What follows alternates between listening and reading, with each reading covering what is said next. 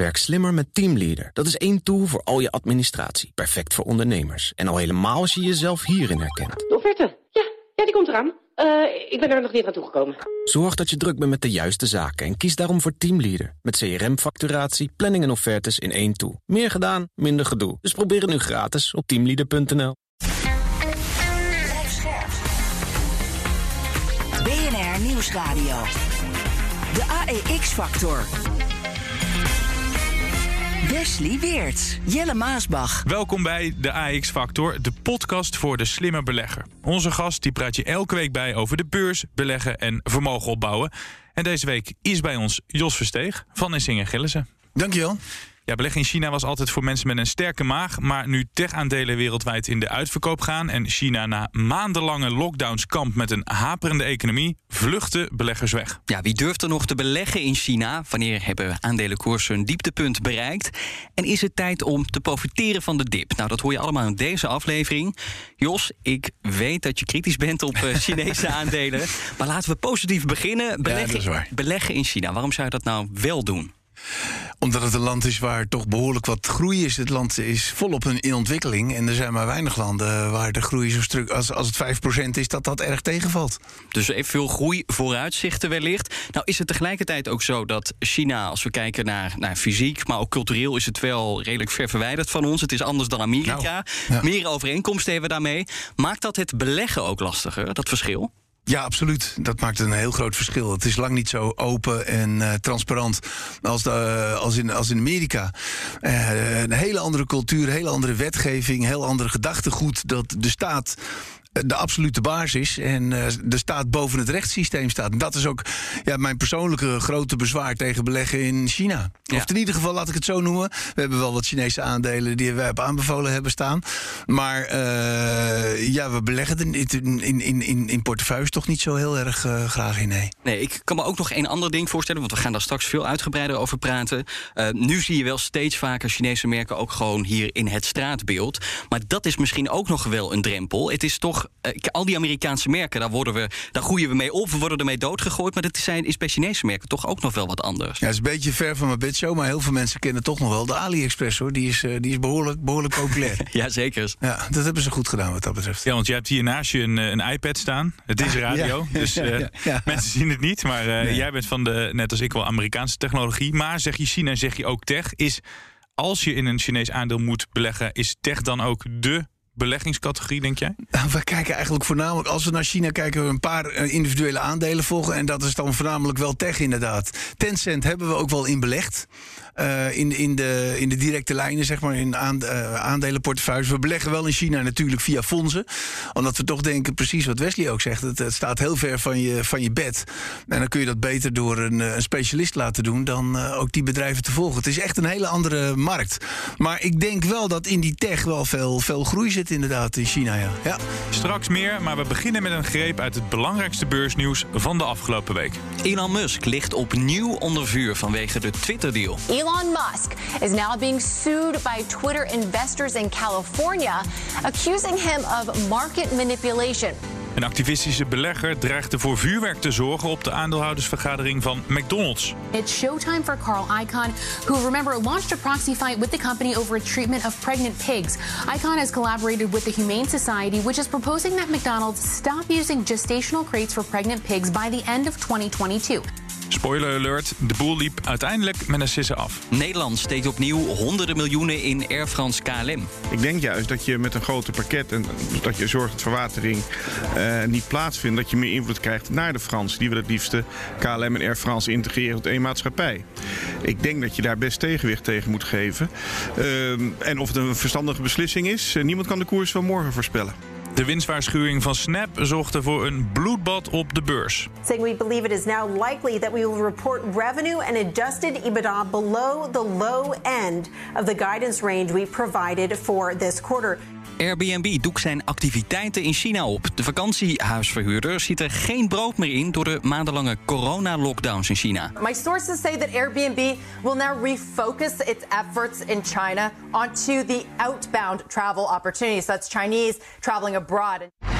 Carl Icahn die verliest zijn strijd bij McDonald's. De activistische belegger die roept de fastfoodketen op niet langer vlees te kopen van fokkers die zeugen opsluiten in te kleine kooien.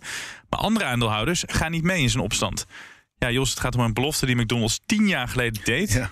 Waarom krijgt Icahn geen bijval? Je zou zeggen, ze hebben hun belofte in te ja, het was van tevoren al wel duidelijk dat hij het niet zou redden. Maar eh, ja, McDonald's heeft wel gezegd dat ze ermee bezig zijn. Ik geloof dat nu uh, 75% of zo van de varkens uh, enigszins normaal leven heeft. En ze willen in 2024 willen ze gewoon echt uh, verantwoord varkensvlees gaan gebruiken. Uh, ja, iedereen stond er al een beetje van te kijken van Ikan dat hij zo'n ja. zoiets deed. Want dat hij voornamelijk al, meestal aan zijn geld denkt. Ja, ik las zijn biografie. Wordt hij omschreven als een liefdeloze man. Maar zijn dochter, las ik, werkt bij een dierenwelzijnstichting. Wordt de man dan ja, op zijn oude dag misschien toch week? Ja, nou, het, het schijnt dat hij wel vaker toch ook geprobeerd... Die dochter was al een hele tijd bezig met McDonald's... om daar een beetje een ingang te krijgen. En ja, als je de naam Carl Icahn noemt... dan, uh, dan, dan gaan op het ogenblik de, over de deur lopen.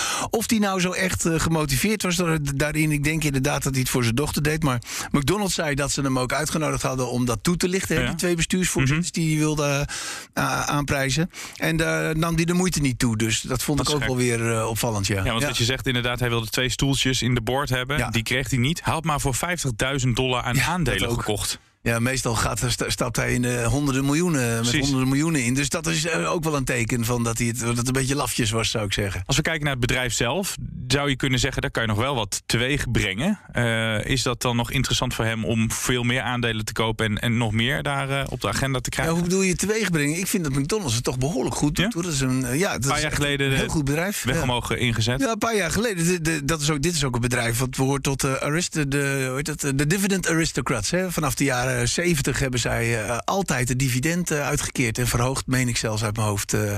Het, is een, het is een prima bedrijf, wordt heel goed geleid. En ja, er zijn wel eens wat, ja, wat zorgen over ESG, hè, hoe, hoe, hoe, goed ze voor het milieu zijn of hoe, hoe goed dan hamburgers voor de mensen zijn. Dat je er te dik van zou worden, die grote cola bakken verkocht worden daar. Maar dan weet ik niet uit mijn hoofd of, dat nog, of hoe verantwoord ze zijn.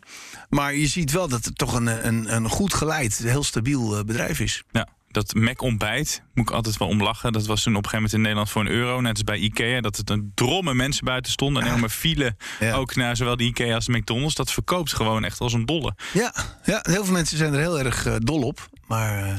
Ja, voor mij hoeft het niet hoor. En als we naar Carl Icahn, de man is 86, dus nog een jonkie vergeleken bij Buffett. Je zou kunnen ja. zeggen, hij kan nog wel een tijdje mee. Um, gaan we meer van hem zien de komende tijd bij, uh, bij bedrijven? Is dit, laat ik het zo stellen, een goede tijd voor activistische aandeelhouders? Ik, ik, weet niet of dat zoveel met de koers te maken heeft. Het is meer van als zij uh, echt uh, uh, onbalansen zien, dan duiken ze er natuurlijk op. En ja, dat zal altijd zo blijven. En het zou misschien wel zo zijn als het nu wat moeilijkere tijden worden. Mm -hmm. Dat je juist de problemen bij bedrijven die wat niet zo goed geleid worden, dat die wat sneller boven komen drijven. Ja, dus valt nu meer op. Koers ja, naar beneden ja. en dan activistische aandeelhouders aan boord. Dat zou je wel enigszins kunnen verwachten, ja. Dat beleggers wat, ja, wat activistisch worden, ja. Hoe kijk je daarna als uh, belegger? Dat in één keer zo'n activistische partij...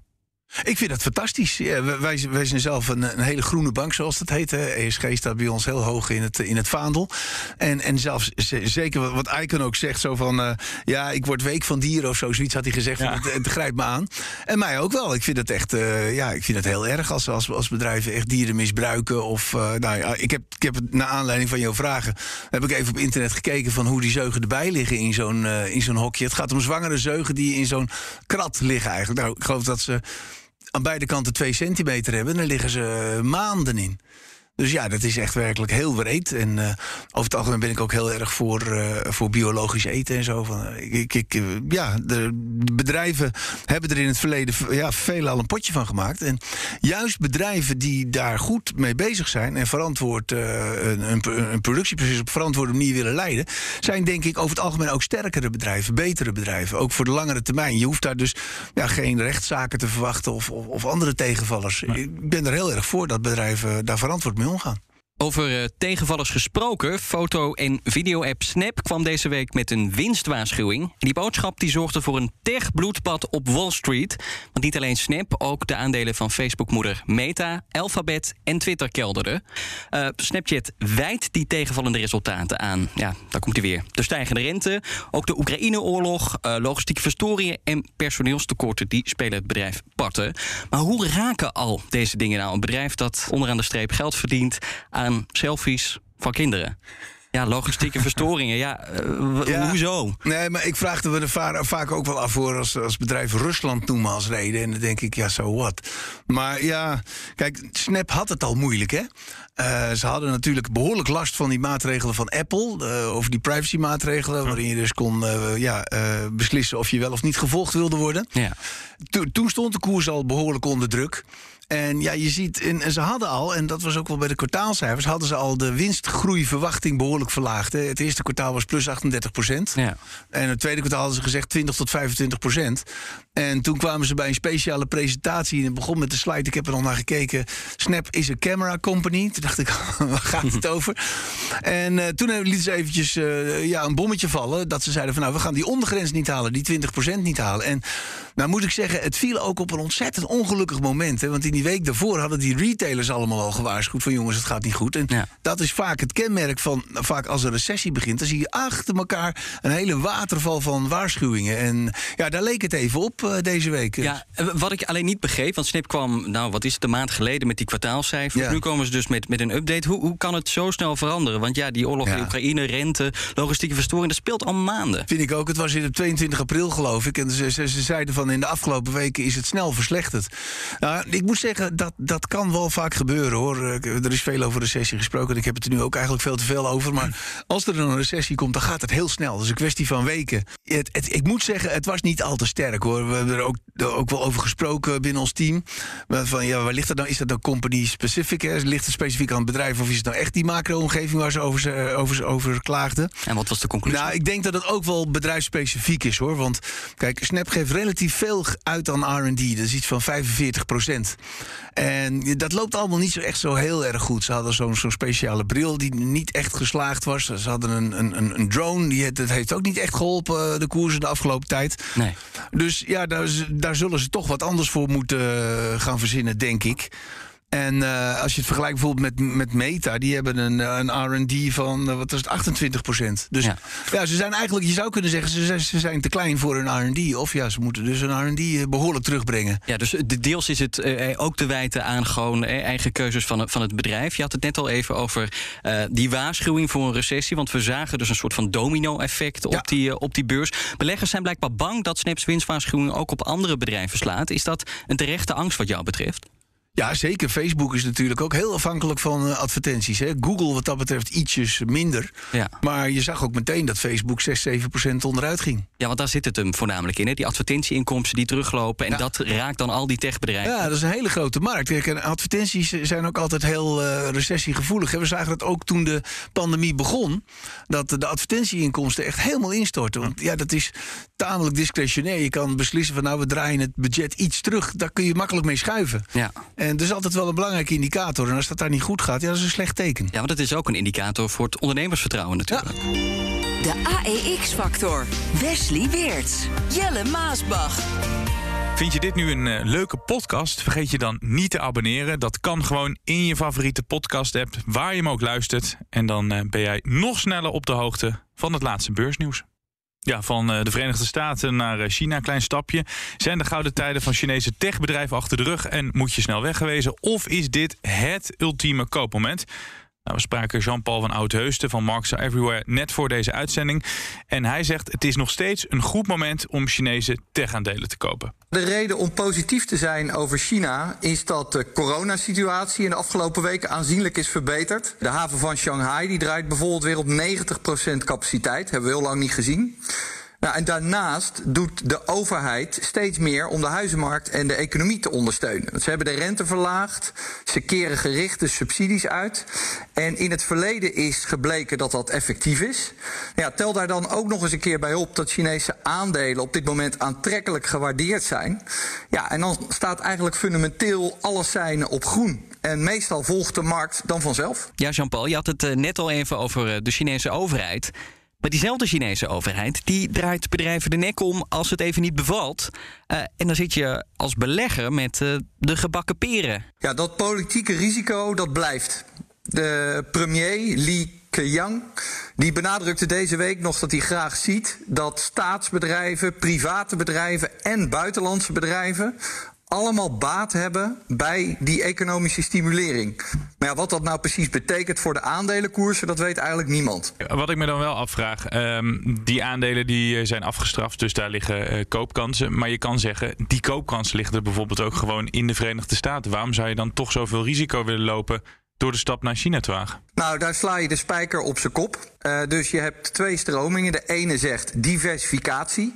Want Azië, zeker met de handelsunie RECEP, die ze per 1 januari van dit jaar zijn gestart, is gewoon een enorme economische markt. Dus als je wil diversificeren, beleg je ook een deel in China. En als je uh, ja, meer belang hecht aan die politieke onzekerheid, dan zeg je, joh, laat het lekker links liggen. En dat is het mooie. Iedereen heeft keus. Ja, Jos, om uh, te beginnen met dat spreiden waar uh, Jean-Paul het over heeft. Om in je portefeuille verschillende aandelen te hebben. Jij zei het al, wij hebben ook een aantal Chinese aandelen op aanbevolen staan. Is dat dan een goede tactiek om toch een paar Chinese aandelen te stoppen in je portefeuille? Ja, het is vaak wel een hele. Uh, ja, het geeft een mooi tegenwicht. Een regio kan het soms redelijk goed doen. Hè. Ik zei net al dat China veel harder groeit dan Amerika. Dus je hebt wat meer exposure naar, naar groei. Maar uh, ja, aan de, aan, de, aan de andere kant ligt het ook een beetje natuurlijk aan je je risico, dat zei die, die vorige spreker net ook al. Van, ja, je hebt een heel onduidelijk risico in China van, de overheid. Uh, en dat, dat, geeft dat Chinese aandelen over het algemeen vaak wel een, een korting hebben ten opzichte van Amerikaanse aandelen. Maar ik maak het zo ontzettend ongrijpbaar. Plus dat ik het ook best lastig vind. Ik heb wel eens naar die bedrijven gekeken om ja, echt goed te analyseren. Het is, het is vaak niet echt heel duidelijk wat ze publiceren. En zeker die, die big tech bedrijven, die hebben bijvoorbeeld heel veel deelnemingen. Nou, en de, de, dat was in het afgelopen kwartaal bijvoorbeeld bij Alibaba. leverde dat behoorlijk verlies op. En ja, daar zie je eigenlijk heel weinig van. Dus ja, je neemt, je moet je mag, of je mag best, iedereen mag doen wat hij zelf wil natuurlijk. Maar je kan best in Chinese aandelen beleggen. En ik denk ook wel dat er mooie groei is. En het ook vaak.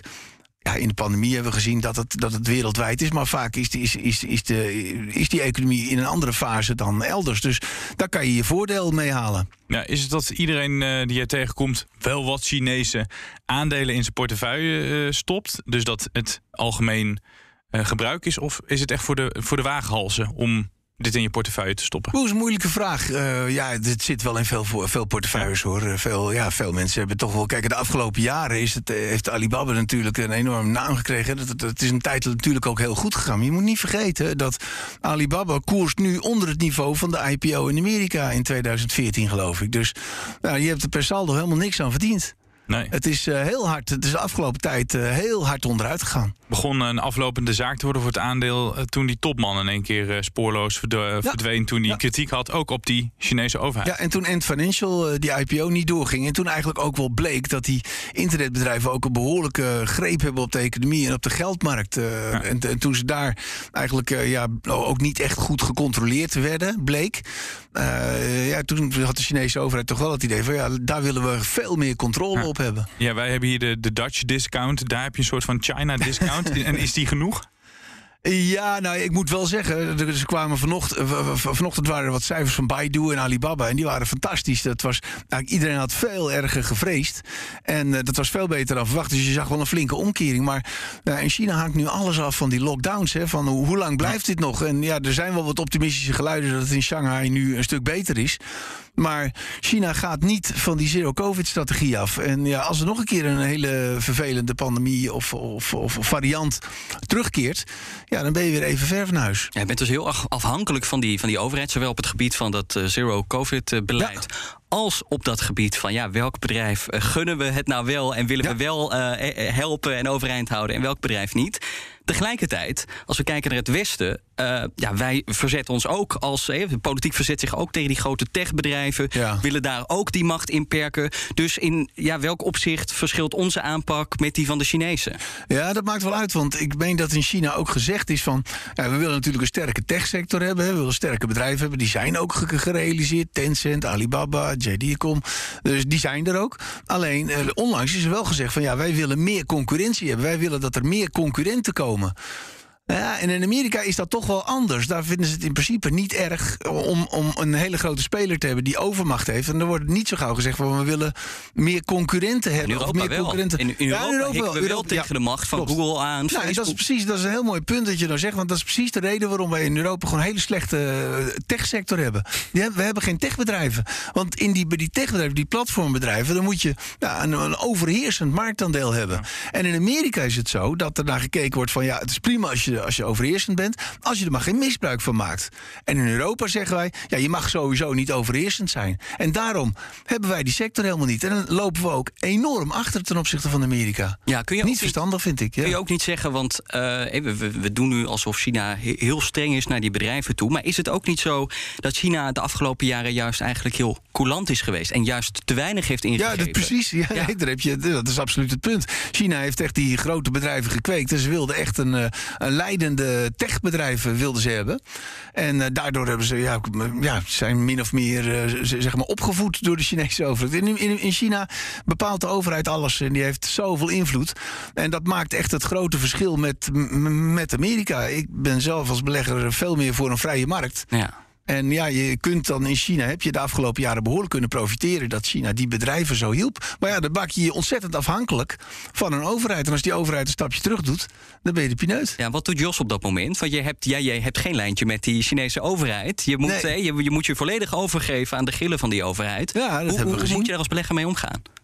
Nou ja, je moet gewoon beseffen dat je, dat je een flink risico neemt. Je kunt het best doen, maar dat is afhankelijk van de belegger. Of hoe, hoe, je, de, hoe, je, hoe je tegen je risico's aankijkt. Nou, je kan zeggen van nou, dat is een tijdje heel goed gegaan. Je kun je flink geld verdienen. Nu de afgelopen tijd zijn die aandelen ook fors goedkoper geworden. Uh, Alibaba heeft een KW van 15. Tencent is nog wel, ja, dat is, dat is nog wel 23 keer de winst. Maar uh, ja, in een markt die heel hard groeit heb je kans dat het toch uh, uiteindelijk wel weer goed komt. Ik, ik, ik vind wel, van die, die, die, Chinese aandelen zijn enorm afgestraft. En als je nou zag wat ze vanochtend met cijfers kwamen, of gisteren... dan, uh, ja, dan is er misschien wel weer wat hoop. Ik kan me wel voorstellen dat je het risico wil nemen. Ja. Alleen, nou, ik denk zelf van, persoonlijk... Van, van, oh ja, als je belegt in een bedrijf waar je niet eens officieel eigenaar van bent... dat gaat via een constructie. Uh, als je ze koopt, de, de, dat je recht hebt op de kaststromen. Of... Ja, maar je hebt, het ook, je hebt ook nee. weinig voor het zeggen. Ja, precies. Dus ja, ik beleg dat, ik doe dat zelf persoonlijk liever niet. Maar je kunt, ja, je kunt er wel wat in, uh, in beleggen als je, als je dat risico wil nemen. Ja, is het ergens ook niet best wel overzichtelijk? Uh, in de zin van, als je bedrijven zoekt die vriendjes zijn met de overheid... dan weet je eigenlijk dat het Nou ja, daar heb je een punt. Ja, ja, dat heeft Tencent wat dat betreft een stuk beter gedaan, ja. ja je had het net over die lockdowns. Ja. Tijdens die lockdowns profiteerden onze techbedrijven... als we hier in Europa keken. Bijvoorbeeld uh, de koersen toen deden het... Uh, ja die van thuisbezorgde aandelen zo in het begin deden het uh, wel lekker. Ja. Maar vooral uh, de Apples, de Facebooks, die deden het allemaal heel goed. De westerse ja. bedrijven heb ik het dan over. Waarom geldt dat niet voor, voor China, denk je? Ja, dat is heel apart. Daar zat ik vanmiddag ook nog even aan te denken. Kijk, aanvankelijk had China uh, hele stringente maatregelen genomen... waardoor ze uit die eerste uh, crisis in 2021 heel snel weer uit waren. Dus toen waren er eigenlijk ook nog niet zoveel supply- of aanvoerproblemen. Ze kwamen vrij snel er weer uit. Nog, nog voordat er in Europa en in Amerika het, het, het, toesloeg. En nu, met die hele besmettelijke variant... Ja, helpen eigenlijk die lockdowns niet meer zo. Uh, dan moet je, moet je zo stringent het land weer dichtgooien. Uh, dat nu ook die, die hele toevoerproblemen uh, meespelen. Hè. Havens dicht. En daar hebben ze natuurlijk zelf ook last van. Want ja, ze kunnen hun spullen niet meer krijgen. En, en, en niet meer exporteren dus. Dus de, het is, het is nu, nu, nu zijn die supply chain problemen veel groter. En daar hebben ze last van. Ja, en dan ook nog eens een overheid die uh, te pas en te onpas uh, hele gebieden, hele steden gewoon in een lockdown uh, duwt. Ja. Um, ja. Is dat de grootste, zijn zij hun grootste vijand om die economische groei van 5,5% per jaar te gaan halen de komende Ja, absoluut. absoluut. Uh, ze zaten in het uh, eerste kwartaal lagen ze onder de 5%, 4,8 geloof ik. En uh, nou, dat viel allemaal nog mee. Maar uh, ja, er is nu echt wel behoorlijk wat druk. Lika Schengen heeft inderdaad gezegd dat iedereen zijn best moet doen dat we die 5% halen. Of in ieder geval nee, dat we positief, dat er een positieve groei kwam in China. Maar ja, alles hangt, hangt af van die, van die lockdowns. Als er zometeen nog weer een, een nare variant komt of zo, dan zullen ze onherroepelijk alles dichtgooien. Want kijk, de Chinezen kunnen niet doen wat wij doen om het open te laten en dan maar een aantal mensen naar het ziekenhuis laten gaan. Ten eerste, ze hebben de hele oude mensen zijn veel minder goed, veel minder vaak gevaccineerd. Dus behoorlijk wat argwaan daar bij de oudere mensen. Uh, de vaccins werken zelf ook, eigenlijk ook niet zo goed. En ze hebben veel minder ziekenhuizen dan in het Westen. Dus als ze, dat, als ze het los zouden laten, ja, dan zouden er echt verschrikkelijk veel doden vallen. En in China zijn relatief heel weinig doden gevallen, als je het vergelijkt met Amerika. Ja, Xi Jinping die wil aan het einde van dit jaar. Uh herkozen ja, worden. Dus het ligt politiek ook heel gevoelig Die zal geen risico nemen, denk nee, ik. hij moet daar, uh, nee, zo'n uh, rotzooi wil hij er niet van maken. Maar ja, dat heeft natuurlijk wel een enorme prijs. Ja. Maar ja, je kunt als je een beetje positief bent, hè, we laten toch positief blijven, dan kun je toch zeggen van het is waarschijnlijk een tijdelijk probleem. Dus uh, ja, daar kom je wel weer overheen. Dus ja. ik kan me wel voorstellen dat mensen denken van, van nou, we hebben nu de eerste beste cijfers gezien. We kopen maar eens een paar Chinese aandelen. Ja, zo denken de analisten van JP Morgan, daar denk ik ook over. Twee maanden geleden zeiden ze nog onbelegbaar. Nu zeggen ze, koop Chinese aandelen. Wat is nou, er dan gebeurd in zo'n Er is een analist die heeft een hele moeilijke dag gehad, denk ik. die heeft een rapportje geschreven waarin een investable stond. Ja. ja, dat kan gewoon echt niet natuurlijk. Dat is echt tussendoor geglipt. En uh, je kunt niet zeggen dat het dat een investable is... en dan een paar maanden later weer zeggen van... nou, stap, stap er maar weer in. Ja, nee, dat is echt een foutje geweest. En ik geloof dat ze het ook wel bekend hebben. Want nee, dat, uh, dat kon natuurlijk niet. Is hij nu op zoek naar nieuw werk, denk jij? Of, uh... ik zou me niet verbazen, nee.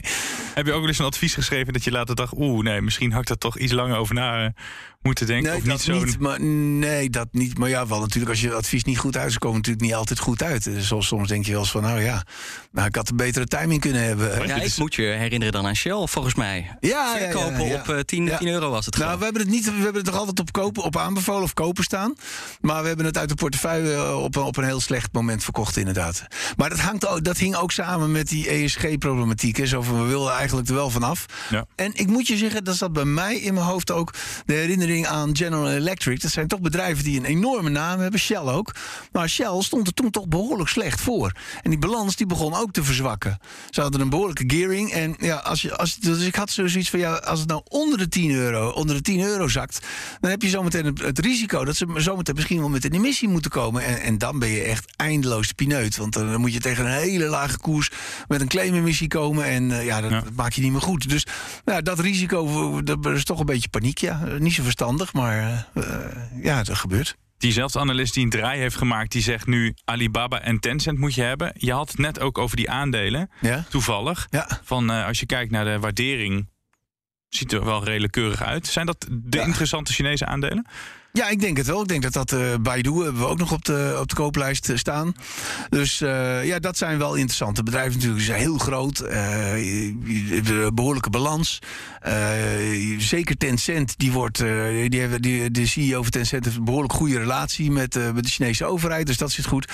Zij zitten sterk in gaming ook. Hè. Daar zit een enorme groei in. Dus, uh, maar goed, als je in gaming zou willen zitten, dan, dan zou ik zelf liever Nvidia kopen. Die kwamen gisteren ook met cijfers. En uh, ja, die maakt de hardware, de grafische processors, die die mooie games allemaal mogelijk maken.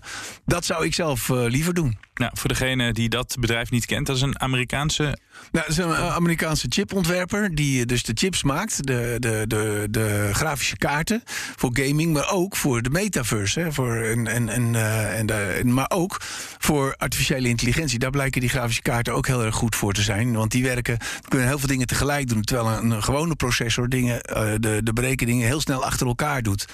En Nvidia die maakt zijn chips niet zelfs. Die laat ze allemaal maken bij TSMC uh, waarschijnlijk.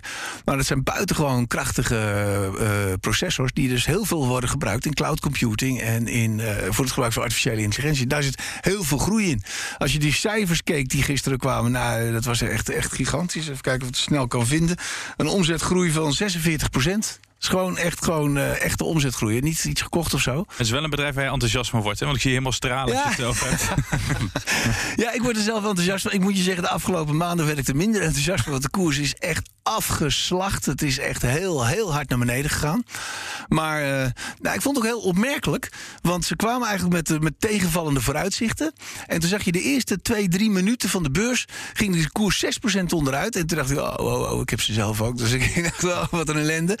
En toen kom ik s ochtends op werk, kijk eens nog eens even naar het scherm van hoe ze gesloten zijn. Ze zijn 6% hoger gesloten. Dus uh, als je dan met tegenvallend nieuws komt en 6% hoger sluit, dan zou je wel kunnen zeggen van het slechte nieuws zit er ongeveer wel in. We hebben het zelf ook in onze, in onze beheerportefeuille. Dus nee, het is wel een bedrijf waar ik erg enthousiast over ben. En uh, ja, zij, zij, zij, profiteren ook heel sterk van cloud computing en dat soort uh, zaken. Zeg van die bedrijven van de toekomst, die, die techparels die we ja. nu uitpikken. Wat zijn nog meer beleggingscategorieën in China? Vastgoed met Evergrande in het achterhoofd is misschien niet zo'n hele, hele juiste uh, beslissing. Maar zie jij nog andere soorten sectoren dat je zegt, nou, dat zou ik nog wel aandurven? Nou, weet je wat, ik wil mezelf niet als China-expert hier neerzetten. We, we, kijken naar wat, wat, wat techbedrijven in China, maar verder uh, zei ik al van, hm. dat hebben we uitbesteed aan, uh, aan, aan, aan, aan portfolio managers die daar echt goed zicht op hebben. Misschien heb je hier ook geen zicht op, maar ik moet hem toch wel stellen. Want ik denk dat veel luisteraars nu denken van, ja, als ik nu instap dan wil ik wel op het dieptepunt instappen. Hebben we dat dieptepunt bereikt inmiddels? ja, dat, dat, is, dat is een heel moeilijk probleem. Ik, kijk, je kunt al voorzichtig doen. Hè? Dan koop je eens een keer een paar aandelen en een tijdje weer. Maar ja, wat blijft gewoon is toch die grote afhankelijkheid van lockdowns. Van als dat erger wordt. Kijk, we nemen van aan dat het beter wordt. Het is beter aan het worden. En eigenlijk de hele wereld zegt van in de tweede helft van het jaar worden die grote supply-problemen in China een stuk verminderd. Maar ja, als het niet zo, als het niet zo is, ja, dan ben je daar dus toch wel behoorlijk afhankelijk van. Omdat China dus die zero-covid-politiek voert en alles helemaal dichtgooit. Maar zijn dat soort risico's niet al lang ingeprijsd in, uh, in de koersen? Ja, dat zou je zeggen. Of het ingepast is altijd heel lastig te zeggen. Je weet het gewoon niet. Maar ik moet je zeggen, als je het vergelijkt met, met, met, met andere bedrijven, dan is die, is die waardering wel heel erg afgekomen. En je ziet dat uh, de, het tij enigszins lijkt te keren. Omdat er, men verwacht dus zulke beroerde cijfers. En dat blijkt dus mee te vallen. Dus ja, dan zou je kunnen zeggen van, uh, het zou een aardig instapmoment kunnen zijn. Ja, is het zo? Want we hebben het constant over die grotere risico's die dan groter zijn dan vaak bij, bij westerse bedrijven. maar staat daar ook een bovengemiddeld hoog rendement tegenover als we terugkijken? nou, nou als, je, als je dus naar de koers van Alibaba kijkt, dan. Ja, nu dus niet. Maar, ja, dat, geldt, maar dat, geldt, dat geldt net zo goed voor Snap. Bijvoorbeeld. Ja, nee, dat is, nou, Snap is inderdaad, die staat ook onder de IPO-koers. Nee, dat is, dat, dat is waar je verwacht wel een hoog rendement, omdat het dus gewoon in een regio is waar, waar een hogere groei is. Dus daardoor zou je kunnen verwachten dat ze, het, uh, dat ze het heel goed zouden doen. Maar ja, het Chinese markt is ook altijd een hele volatiele markt geweest. De Chinezen die houden ontzettend van gokken. En die zijn, zijn ook niet echt, dus denk ik, wat ik zie, lange termijn beleggers. Dus dat gaat een tijdje heel goed en heel hard. En, en dan gaat het in één keer heel slecht. En wat doet de Chinese uh, overheid dan? Die gooit de beurs dicht. Ja. Dat hebben we ook gezien. Dus ja, je hebt hele rare risico's die je elders niet vindt. Nee, maar is het dan niet als belegger? Want je weet dat je moet een sterke maag hebben als je in China belegt. Moet je dan ja. niet gewoon die, die, die heftige ritten uitzitten en, en dan ja, staat die pot met geld staat daar uh, je, je, je toe te lachen?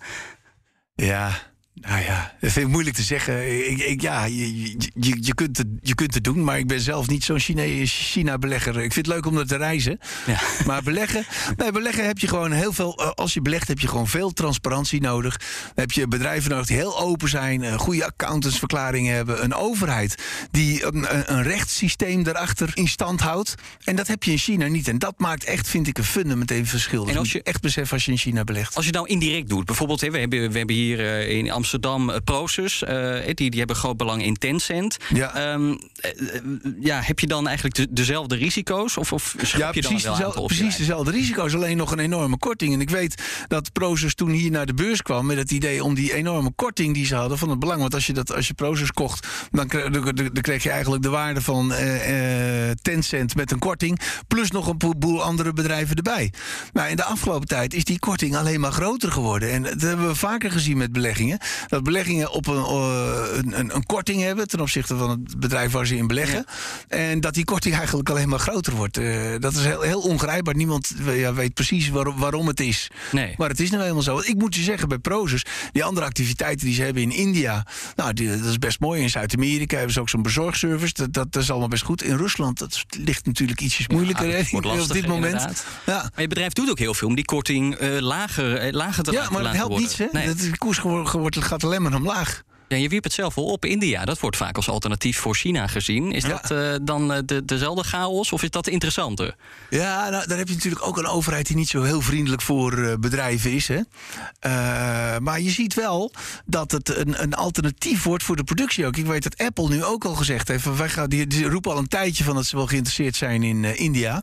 En ja, daar zijn ook wel wat maatregelen genomen voor de allerarmsten... dat die het allemaal wat beter krijgen.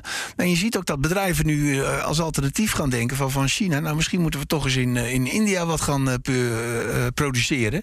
Ja. Want dat kan een mooie tegenhanger zijn voor de risico's die je in China loopt als je helemaal in China vastzit. Ja, je hebt daar ook inderdaad die overheid die dus heel erg motiveert in die lagere inkomensklassen om die op, een internet, op het internet aan te sluiten. Dus als techbedrijf, juist bij uitstek, ja. kun je daarvan profiteren, lijkt me. Ja, het is een, eh, ook een, een, snel groeiende economie. En daar in China heb je trouwens ook nog niet het probleem van de verouderingen, de vergrijzing. Dat heb je in, eh, in China wel. Maar in India heeft een veel jongere bevolking uh, die nog behoorlijk groeit.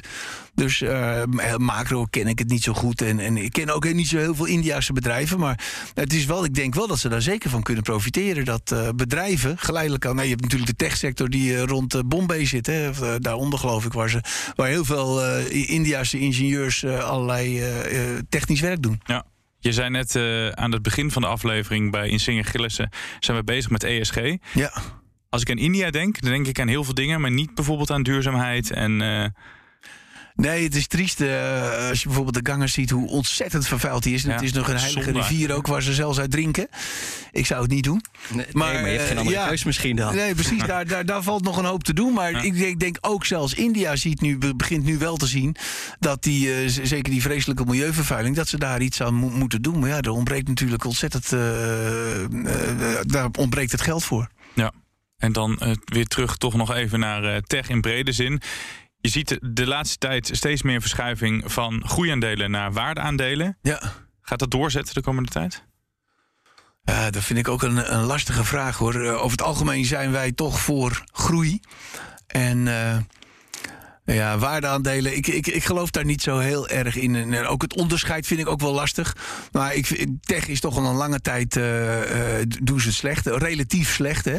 Maar ik denk op langere termijn. Veel techbedrijven. Tech zit zo ontzettend veel toekomst in. wat, er nog, wat er nog gaat gebeuren. Ik kijk dan zelf heel veel naar semiconductors.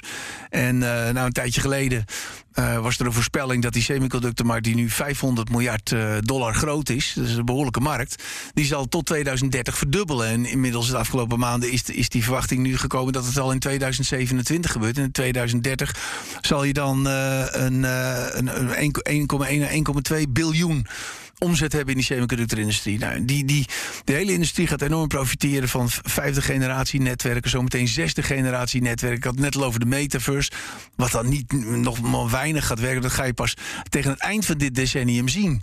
Cloud computing, artificiële intelligentie, mhm. wat enorm in opmars is. Ja, ik geloof er wel in in die techbedrijven. En dus logisch, ze zijn natuurlijk vorig jaar enorm hard gestegen. Dat, er dan een keer, eh, dat ze dan een keer een tijdje achter blijven liggen. Maar als je kijkt naar de groeiverwachtingen daar op lange termijn, dan denk ik ik altijd dat je nog een behoorlijke portie tech in je portefeuille moet hebben. Met tech denk ik ook altijd aan de, de streamers. Ik ben zelf altijd gefascineerd door streamingdiensten. Netflix heeft ja. de markt opengebroken. Ja. In april die klap. In één dag zo'n 50 miljard. Dat is verschrikkelijk, ja. 50, Zo'n 50 miljard, miljard dollar aan beurswaarde af. Meta verloor op één dag 230 miljard. Kan je ook zeggen. Het is het moment om uh, in te slaan. Ja, dat denk ik, dat denk ik wel. Uh, dus dus ja, timen van uh, wanneer je in moet stappen is altijd lastig. Maar ik denk wel dat die bedrijven interessant zijn. En ja, als je het over streaming hebt, denk ik dat je ook, ook nog een hele mooie kwaliteit hebben. Walt Disney. Met Disney Plus. Disney Plus. Dat is ook echt een, een, groot succes geworden. Ook, ik, ik, wist dat Walt Disney een ontzettend goed bedrijf is. Een prachtig bedrijf. Maar dat Disney Plus het zo goed zou doen, dat verbaasde me echt. Ze hebben toen bijna heel Fox leeggekocht. 21st Century Fox. Met al die series, al die films. Ja. Uh, voor meer dan 70 miljard. Toen zei iedereen, daar vertillen ze zich aan. Ja. Maar nu zijn ze in één klap de nummer twee geworden. Ja, Veel sneller. het leuke ervan is, mijn collega zei dat van... Kijk, Netflix, dan kijk je één keer een film en dan is het klaar. Ja. Maar, maar Disney Plus, die, die kinderen, die kijken die films zeven keer, acht keer, negen keer, tien keer. Dus eh, ja, dat is eh, veel makkelijker. Je Veel kunt je product heel veel verkopen. Ja. Ja, Jos, jij zei net nog dat jij echt gelooft in die techbedrijven, ook voor toekomstige groei. Ja. Ehm, nou zag je ook de afgelopen tijd, de afgelopen jaren natuurlijk, dat daar de focus op lag. Groeien. En niet zozeer op winst maken, maar ja, er was ook geld in overvloed. Eh, met oog op de toekomst. Denk je dat dat gaat kenteren en dat die nadruk echt wel steeds meer komt te liggen op we moeten winst maken? Je hebt natuurlijk een paar bedrijven gehad die niet zoveel winst maakten. van- En die bedrijven hebben het nu eigenlijk ook het meest moeilijk. Hè? Bedrijven die eigenlijk nog weinig winst maken en waarvan de, de, de, de winst pas echt in de verre toekomst Ja, komt. kijk, dit, dit geldt niet voor die, chip, die chipfabrikanten. Nee, ik heb, het, maar ik heb het dan vooral over, over big tech. Echt, eh, Google, Microsoft en eh, Nvidia en, en, en Facebook of Meta-platforms heet het tegenwoordig. Ja. Daar heb ik het dan vooral over. En ja, toch ook wel Tesla is toch ook wel flink veel van de koers af. En eh, dat bedrijf heeft toch ook wel een enorme potentie. Ja, maar we zagen ook wel bijvoorbeeld een bedrijf als Uber. Dat is, heeft altijd nog moeite om echt hele goede Ja, winstcijfers bedrijven zijn wij de- altijd relatief dus voorzichtig platformbedrijven. Dus dat, dat, dat zijn wel bedrijven waar je de afgelopen jaren heel veel geld in gepompt zag worden. Ja. Die groeiden als kool door al dat geld. Ja. Maar dat wordt wel lastiger als die aandeelhouders. Nee, dat, eh, wordt, dat wordt lastig inderdaad. Dat is, wat- dat is wel misschien het voordeel voor Just Eat Takeaway... wat ook al nogal afgeslacht is de afgelopen maanden. je wel stellen. Maar die hebben dus enorme last van die concurrentie... van die, die, die, die fondsen die alleen, alleen maar die concurrenten blijven financieren. Ja, die, die gewoon, dat, dat businessmodel klopt niet. Hè? Dat bezorgen. Mijn zoon bezorgt ook af en toe eh, eh, eten. En dan heeft hij een, een, een, een bezorging van 20 euro... en dan verdient hij 20 euro op. Of eh, ja, dan verdient hij 20 euro op. Ja, kan niet. kan niet. Dat kan niet. En is, is het, ja, bij beursgenoteerde bedrijven is dat natuurlijk lastig. Maar denk je dat dat soort bedrijven de komende tijd dan ja, niet levensvatbaar blijken en dan verdwijnen, opgekocht worden? eh of gaan die in een ander bedrijf? Voor die bedrijven wordt het wel moeilijk eh, als het dan echt zometeen economisch ook nog moeilijker wordt. Ja, dat is heel, eh, heel lastig. Dus ja, wij, wij- ik zeg altijd van je moet altijd wel blijven kijken naar de balans. Hè, dat een bedrijf in ieder geval een goede balans heeft en een, en een goede cashflow heeft, kaststroom heeft. En ja, als, als dat allemaal eh, zwakjes is, nou, dan, moet je, dan loop je natuurlijk erg grote risico's. En Just Eat Takeaway, prooi of jager? Ja. Eh, nee, ik denk jager. Toch wel. Ja. Nou, kijk naar de balans, zei je net. De Ja. balans zat in deze aflevering eh, goed met jou. Dank dat je er was. Hiermee zijn we aan het einde gekomen van de aflevering. Jos Versteeg hoorde je van Insingen Gillissen. Jos had het net over Just Eat Takeaway. Daar hadden we het vorige week over. Dus als je denkt, hé, daar wil ik meer over luisteren... dan kan je de aflevering van vorige week terugluisteren. Ja, we hebben heel veel afleveringen over Just Eat Takeaway eh, gesproken. Dus je kunt ook al die andere afleveringen nog terugluisteren. Dus heb je dit weekend niks te doen? Ja, ga, ga luisteren. Zeker. Tot volgende week. Werk slimmer met Teamleader. Dat is één tool voor al je administratie. Perfect voor ondernemers. En al helemaal als je jezelf hierin herkent. Ja, het, het komt er echt aan. Maak je geen zorgen. Maar het is het einde van de maand. Ja. Zorg dat je druk bent met de juiste zaken en kies daarom voor Teamleader. Met CRM, facturatie, planning en offertes in één tool. Meer gedaan, minder gedoe. Dus probeer het nu gratis op teamleader.nl.